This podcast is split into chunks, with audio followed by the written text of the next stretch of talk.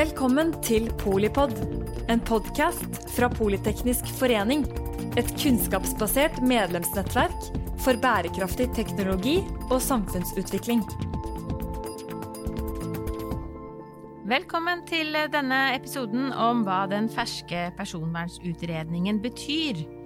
Personvernskommisjonen kom nettopp med sin NOU på hele 242 sider 140 anbefalinger og tiltak. Hva er viktig, og hvorfor? Og hva skjer med personvernet fremover innen offentlig forvaltning, justissektoren, skole- og barnehagesektoren, for ikke å snakke om oss forbrukere. Velkommen til eh, Trine Skei Grande, bærekraftsdirektør i Footprint, medlem av Personvernkommisjonen og eh, dessuten direksjonsmedlem her i Politeknisk forening. Takk for det.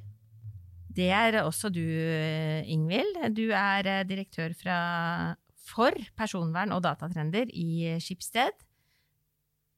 Kommisjonsmedlem og direksjonsmedlem. Takk. Dere, Jeg må bare begynne rett på sak, egentlig, fordi det er noe dere er uenige om i denne rapporten. Hvorfor er dere uenige? Tror vi har litt ulike innfallsvinkler, også, men jeg syns jo det bør være litt rock'n'roll når det er snakk om personvern, så vi kan ikke forvente vi skal være riktig enige om alt.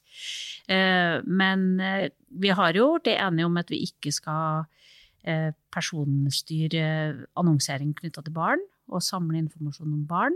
Men så har vi da sagt noen av oss at vi syns at vi bør utrede det til voksne også, og det, da, da var ikke Ingvild helt med, så da ble det en dissens.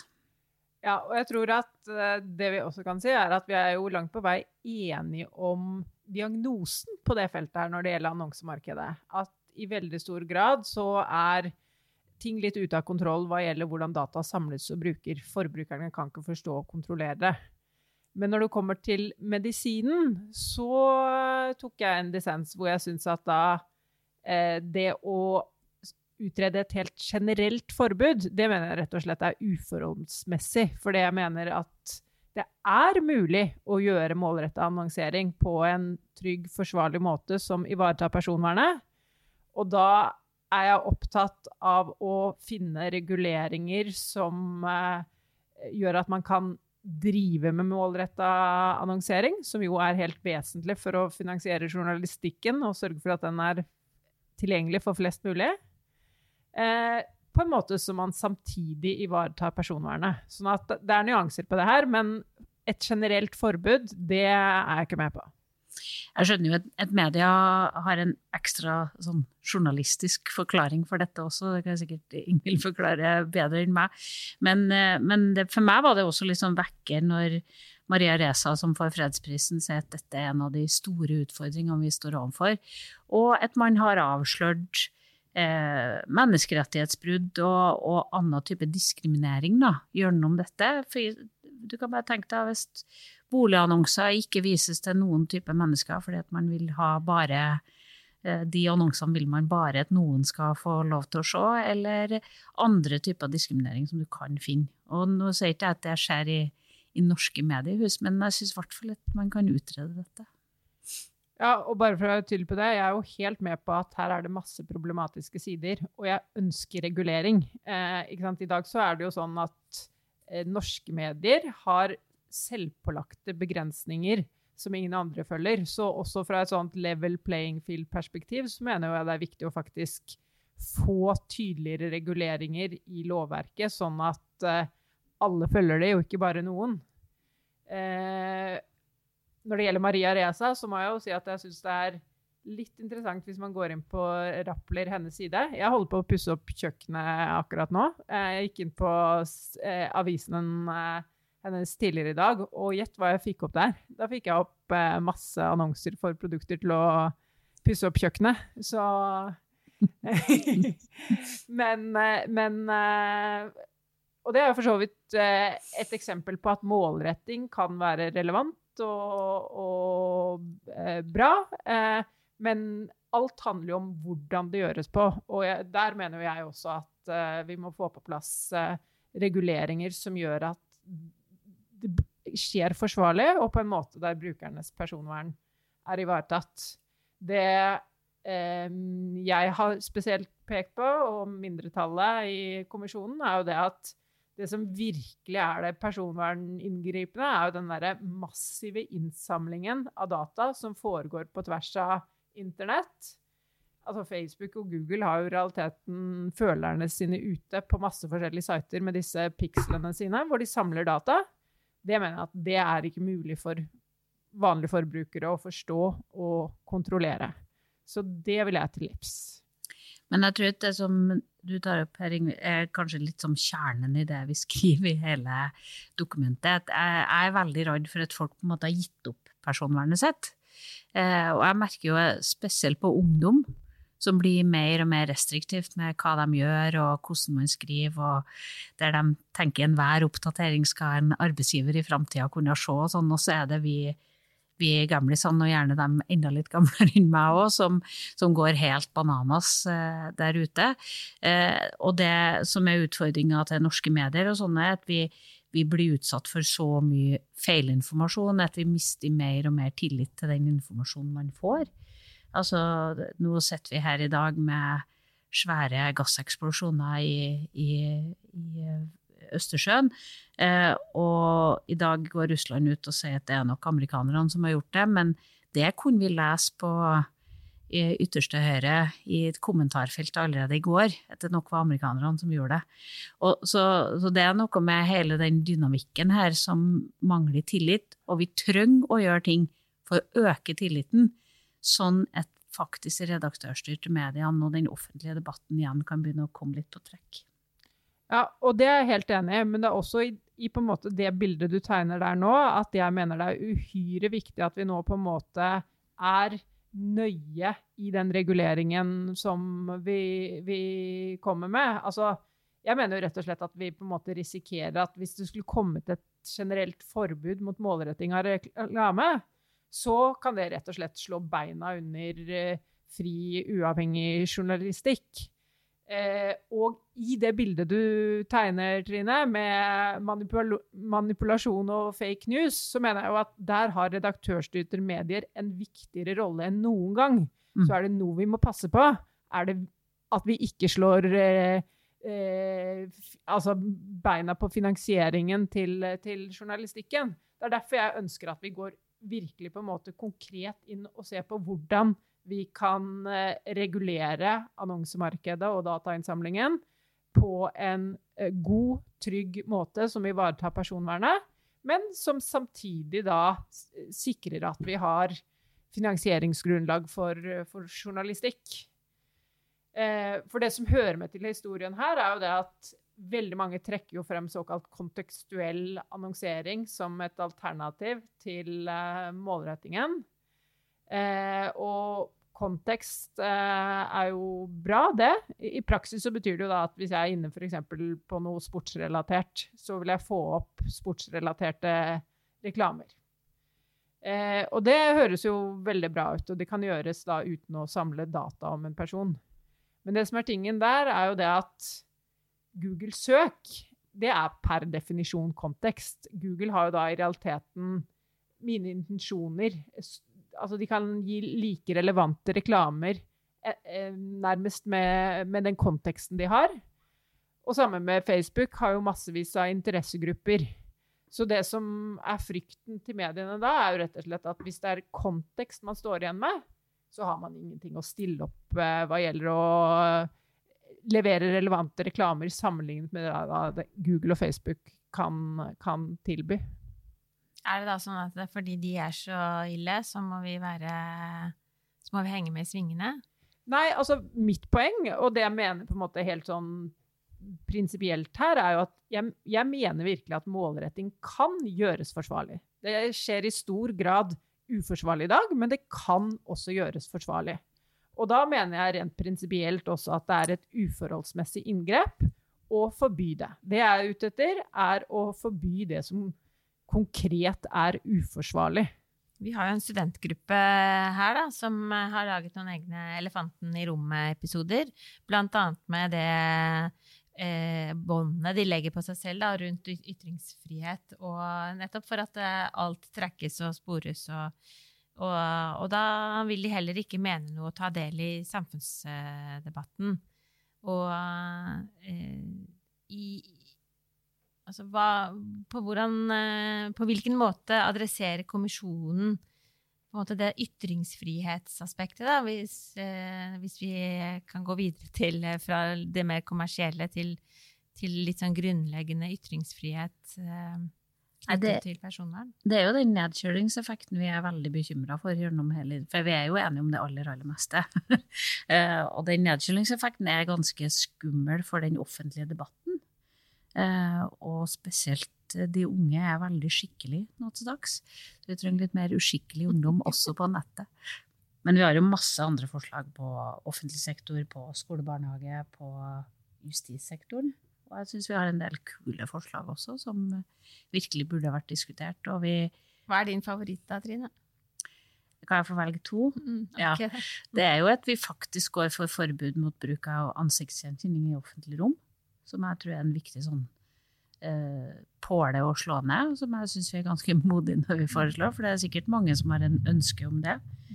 Og så har jo jeg en liten baby her som kanskje står litt gjemt, men eh, i noen europeiske land så har de det sånn at de deler i politiet dem som sitter på beslag av data, og dem som bruker beslag av data. Sånn at hvis du blir arrestert og din mobiltelefon blir beslaglagt, så kan ikke politiet sitte og lete fritt på telefonen etter mulige ting som kan interessere dem. Da går alt som er på telefonen din til en annen enhet, og så må politiet bestille. Da må de se står Alfan Batti i telefonlista di, eller gjør han ikke det? det da, og det Sist jeg sjekka, gjorde den ikke det. Nei, men, da, men det er sånne ting som da politiet kan bestille av den enheten. Og det betyr at veldig mye sensitiv personinfo som i dag en mobiltelefon inneholder, ikke flyter rundt til Gud og hvermann i en, i en kriminalsak. Eh, og jeg tror et sånne grep hadde vært med på å øke tilliten til politiet vårt, men også styrka personvernet. Og der, altså jeg er enig, det der syns jeg er et kjempeviktig forslag. Altså. Og jeg syns i det hele tatt at på justisområdet, eh, som eh, Trine var gruppeleder eh, på i kommisjonen, så syns jeg også at vi har noen veldig viktige sånn prinsipielle eh, standpunkter som vi tar. For det står jo faktisk i forarbeidene til politiregisterloven at eh, hvis det er nødvendig for kriminalitetsbekjempelse, så skal personvernet vike. Det liksom er utgangspunktet der. Og der sier vi at det er vi helt uenig i. Altså hvis personvernkrenkelsen er stor nok, så må jo utgangspunktet være stikk motsatte. Personvernet er en grunnleggende menneskerettighet. Så utgangspunktet er at den grunnleggende menneskerettigheten skal bli ivaretatt. Og det syns jeg jo er uhyre viktig at vi adresserer. Justisområdet, så tror jeg at liksom, det er der vi kommer til å se noen av de virkelig største eh, utfordringene for personvernet fremover. Så det, det at vi er så tydelige på det, syns jeg er kjempebra. Og egentlig litt sånn relatert til det du trekker frem også, Trine, så syns jeg et annet veldig viktig eh, eh, standpunkt som vi har, er jo at vi sier at vi er med på at i visse sammenhenger så er det nødvendig med masseinnsamling av data for visse formål.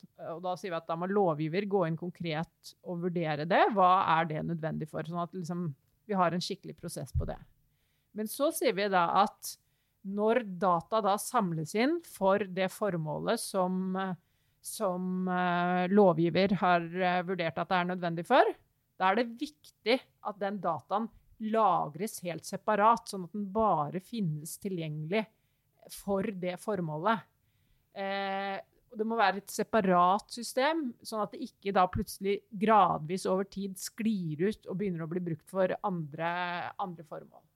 Det, det har jeg veldig Det tror jeg liksom er sånne Det å bygge inn sånne sikkerhetsgarantier tror jeg er uhyre viktig. Det er noe av det som Yuval Harari også trekker frem eh, ofte når han skal si liksom, hva kommer til å være liksom, viktig for at vi klarer å håndtere data på en forsvarlig måte fremover.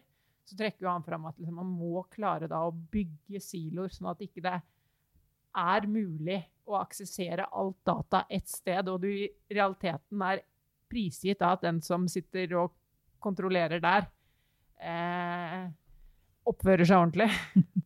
Ja, for jeg ville jo foretrekke at det var jeg som eide mine data. Ja, og det bør jo være utgangspunktet. Så, men eh, eh, jeg tror at mange jeg tror, For det første så må vi prøve at alle de rettsstatsprinsippene og alt det som gjelder i vår analoge verden, Mm. også skal kunne overføres til den digitale verden. Mm. Det må være utgangspunktet til alt. Men vi må vite noe et, at um, Og det, det kom litt over meg mens vi satt og jobba med dette, at, at det, det går ikke an lenger å liksom slå ned to-tre mantra, og så er vi ferdig med, med personvernpolitikken. Personvernpolitikken er nå plutselig en del av alle deler av samfunnssektoren. Eh, Det påvirker sykehjemsplassen, det påvirker skolehverdagen, det påvirker alle deler av samfunnet på en helt annen måte, og da må vi ha ha en mye mer omfattende holdning til personvern på andre sektorer, det vi ikke trengte å gjøre det før.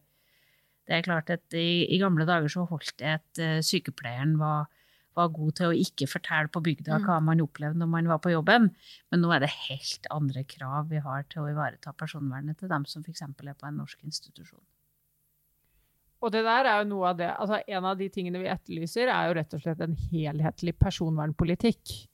Eh, fordi at vi mener jo at eh, akkurat som du beskriver, Trine, at dette her går jo inn på alle områder. Og på en måte en del av utfordringen i dag er jo at ingen eh, har ansvaret og føler seg kallet til å på en måte se helheten av det trykket eh, og på en måte presset på personvernet som vi blir utsatt for. Alle sitter liksom på sin tue i beste fall, hvis man i det hele tatt vurderer det på sin tue, men det er på en måte ikke sånn at alle sitter på sin tue.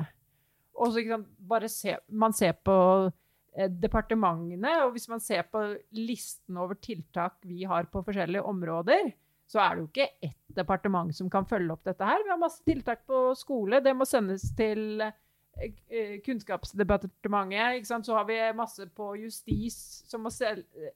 Så det her er det går på alle områder, og det er noe av det som gjør det krevende å, å følge opp dette i praksis, men desto viktigere at det da finnes kompetanse og ressurser på alle disse ulike områdene. Blir det et eget eh, direktorat? Nei, og jeg tror kanskje, men det er som Ingrid sier, en veldig stor utfordring for hele dette feltet at alle statsråder har egentlig en jobb å gjøre her. Eh, på alle sine felt, og det vet jeg av erfaring at det er de vanskeligste områdene når ingen eier ansvaret alene. Eh, så, så det, det og en av de forslagene vi har, er jo at, at den som er ansvarlig i regjeringa til enhver tid, bør komme til Stortinget eh, helst en gang i året, men i hvert fall med jevne mellomrom, og legge fram hva som er regjeringens personvernpolitikk, og ha en debatt om det i Stortinget. Sånn som vi har om utenrikspolitikken, som jo angår veldig bredde. Vi har det på veldig mange andre tema også, og det har blitt vanligere med redegjørelser i Stortinget også de siste årene. Så tror vi at det hadde kunnet brakt den politiske debatten og ansvaret til den statsråden eh, mye bedre. I dag er det bare én debatt i Stortinget som handler litt om personvern, og det er Datatilsynets årsrapport. Og det er ikke alltid den rock'n'roll i salen, det kan jeg avsløre. Hva er din favorittforslag, eh, Ingvild? Eh, jeg, altså, jeg eh, har eh, disse justisforslagene også blant Mm. mine favoritter. Og så I tillegg så må jeg nok si at jeg syns at eh, noen av de forslagene vi har på skole, er veldig, veldig viktige. Mm. Eh, det vi har funnet når vi har sett på, på rikets tilstand i skolen, er jo at sant, i veldig stor grad så finnes ikke verken i småkommuner eller store kommuner kompetanse og ressurser til å vurdere personvern. Sånn at sant, Digitaliseringen har jo gått for fullt, ikke minst gjennom pandemien, og man har tatt i bruk masse forskjellige eh, mer eller mindre gode digitale verktøy, men da uten at personvernet har blitt vurdert i veldig stor grad. Ofte så er det lærerne som bare sitter og prøver å finne ut av et eller annet, ender opp med noen gratis apper som bare for å få undervisningen til å funke. Eh, og det betyr jo ikke minst at disse globale plattformaktørene har fått eh, innpass, i tillegg til masse gratis apper som har egentlig data som sin eh, forretningsmodell. og det er ikke holdbart i skolen. Så noe av det vi foreslår der, er jo på en måte det som handler om å få til skalerbare løsninger som kan hjelpe kommunene som skoleeiere og hver enkelt skole å navigere i dette. Så vi sier at vi må ha sentral testing og sentrale vurderinger av ulike digitale verktøy. Og så må det være en oppdatert eh, tjenestekatalog som man rett og slett kan gå til og få oversikt over hva som er vurdert å være greit fra et personvernperspektiv. Og så sier vi også at hvis eh, det ikke finnes verktøy som er akseptable fra et personvernperspektiv, da bør faktisk det offentlige investere i utvikling eh, av det. Og sånn er det jo. Det er jo masse sånn prekvalifiserte ordninger for uh, veldig mange bransjer. Som ut fra kvalitet eller for så vidt pris eller leveranse eller bærekraft eller Nei, men vi har vært litt bevisstløse på dette feltet. Og så er det sånn, vi, vi, er veldig Det som er redd, at vi skal gå i en lang grøft der vi til slutt blir så opptatt av å regulere at det offentlige må utvikle alt. Men vi må ha innovasjon uh, på dette feltet, og vi, vi, kan ikke tro at det offentlige gjør det. Så det offentlige må trekke seg tilbake og lage et regelverk som det går an for tilbyderne å forholde seg til, og innovere på og lage gode løsninger for elevene, men likevel ivareta liksom, nøkkelprinsippene. Og det syns jeg vi har funnet en god balanse på i de formuleringene vi har. At vi åpner for den innovasjonen. Tror ikke at staten er det eneste gode, det har eh, mange ganger vist at de ikke er. Eh, men at vi må, så vi må innovere gode løsninger. Men, men jeg tror nok at man framover må være innstilt på at det, det koster å gi unger god kvalitet. Og igjen så tror jeg liksom for å gjøre nettopp det du beskriver, Trine, så trengs da på en måte folk som forstår det, folk som kan det, har kompetanse både på det tekniske og det juridiske av uh, vurderingene her. Altså, vi har jo i arbeidet så har vi jo vært i kontakt med ulike skoler og kommuner og sånt. Vi har jo sett eksempelvis da sant, at GDPR og hele innføringen av personvernregelverket har jo hatt en effekt ved at man tidvis da har blitt redde for å gjøre feil. Så vi ser f.eks. at en del steder så er det forbud mot distribusjon av klasselister. Selv om Datatilsynet har sagt at det kan man gjøre. Men det er av frykt for å gjøre feil med tanke på GDPR. Så det styrer man unna, med den konsekvens da at eh, det er vanskelig å få invitert alle, også de man ikke kjenner, i bursdager, f.eks. Mens derimot det som handler om på en måte å ta i bruk verktøy hvor data samles inn og fyker av gårde til masse forskjellige aktører, det har man ikke fått med seg, liksom. Så det, det trengs kompetanse. Og det skalerer ikke at hver enkelt kommune og skole skal prøve å finne ut av det. Nei, vi fikk ikke gjort noe med skikkelig rock'n'roll med kommunestrukturen. Så vi har fortsatt ekstremt små kommuner som skal sitte og kjøpe dette. Eh, det er ikke for sent, er det det?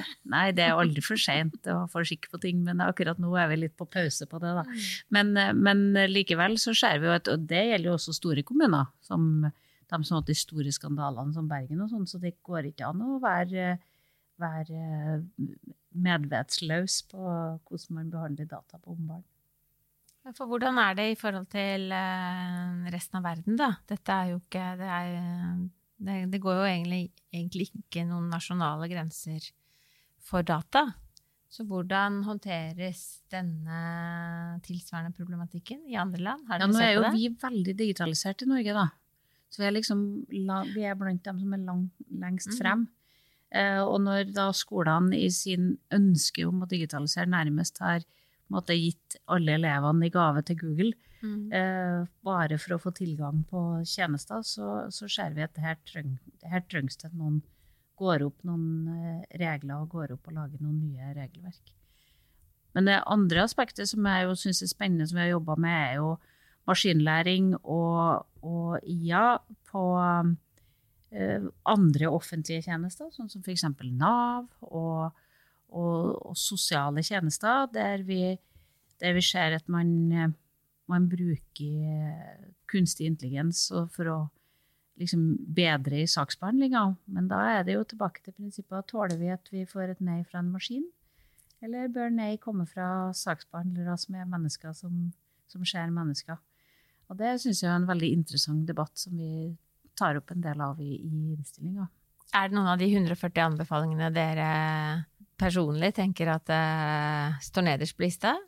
Det er, jo, det er jo mye å skulle sette i gang med 140 tiltak på en gang, er det ikke det? Nei, men hvis eh, statsråden sliter, så skal vi alltids lage prioriteringsrekkefølge for faren.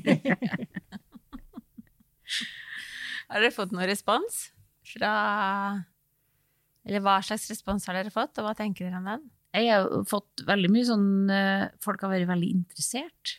Altså, nå jobber jeg i Footprint, som er en del av Soprasteria, og som jo er en IT-bedrift. Og der har det kommet mange vandrende og sagt å, dette gleder jeg meg til å lese, og dette blir spennende. Mm. Og, og Soprasteria tror jeg syns det er gøy å ha en hos seg som har sittet i det utvalget, som en viktig IT-bedrift, og som leverer, eh, leverer tjenester på det, på det feltet. Så på jobben har det i hvert fall vært mange som har vært interessert når jeg kom luskende på jobben den dagen. Ja. Ja, eh, jeg oppfatter også det har vært interesse. Selvsagt er det mye interesse rundt en uh, dissens. Og ellers sånn i fagkretser så er det selvsagt uh, interesse på de spesifikke uh, områdene. Jeg har jo også merket meg at en del har vært veldig opptatt av Vi har også noen uttalelser hvor vi sier at i dag så er det dessverre sånn at det å være god på personvern ikke er et konkurransefortrinn. Eh, fordi det, man betaler en pris, rett og slett, ved å eh, ikke bruke data, som andre gjør, uten at det håndheves eh, effektivt i dag. Så det har jeg merket meg en del i næringslivet har eh, vært, eh, vært eh, opptatt av.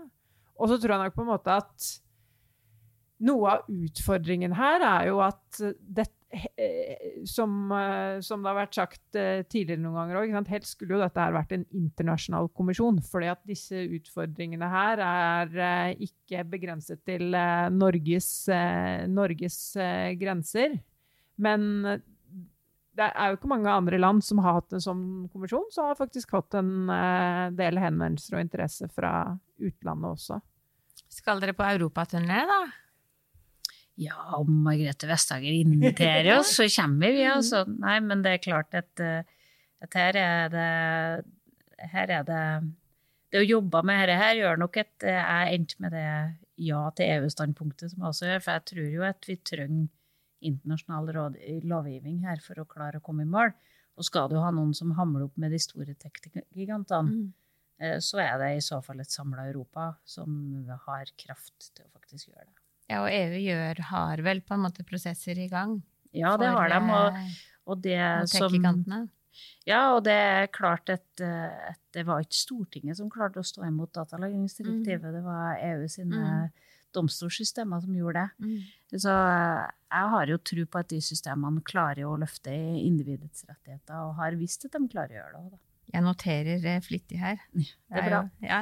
ja. fordi eh, ref dette studentnettverket vårt, da, de, det, er, det, er, noe med at eh, fordi tilliten til myndighetene er stor, tilliten til, eh, til, at hvis noe går gærent, så får du hjelp eh, på en måte i Norge. Sånn at du bare klikker 'godtar, godtar, godtar', godtar på alt du får opp, og så er du egentlig litt irritert over at det kommer opp så hele tida. Men ellers så så er det bare å komme seg forbi det, og så surfe som man eh, best eh, man kan. Så er det, er det ikke noe sånn summetone eh, i responsen. Er det ikke sånn at folk eh, bare regner med at eh, personvernet, ja, det er sikkert eh, i orden? Men jeg tror at mange er villige til å betale med personopplysninger for å få tilgang på tjenester. Så, så det, jeg tror at det Men det som jeg tror kanskje kommer til å og som vi ser nå fordi at det er krig i Europa, og vi ser den rollen Kina har, og plutselig så er den derre frie flyt-verdenshandelen høres mm. litt annerledes ut enn den mm. gjorde for noen år siden, så vil også den frie flyten av informasjon høres annerledes ut. Og når vi, når vi ser at det også påvirker sikkerheten vår, så tror jeg kanskje holdninga på dette kommer til å, å forandre seg i de årene som kommer. Både i det vi blir utsatt for av løgnkampanjer på den ene sida, men også på den andre sida at, vi, at vi, vi, vi, vi, skjønner at det handler om sikkerheten vår og ha tilgang på informasjonen vår.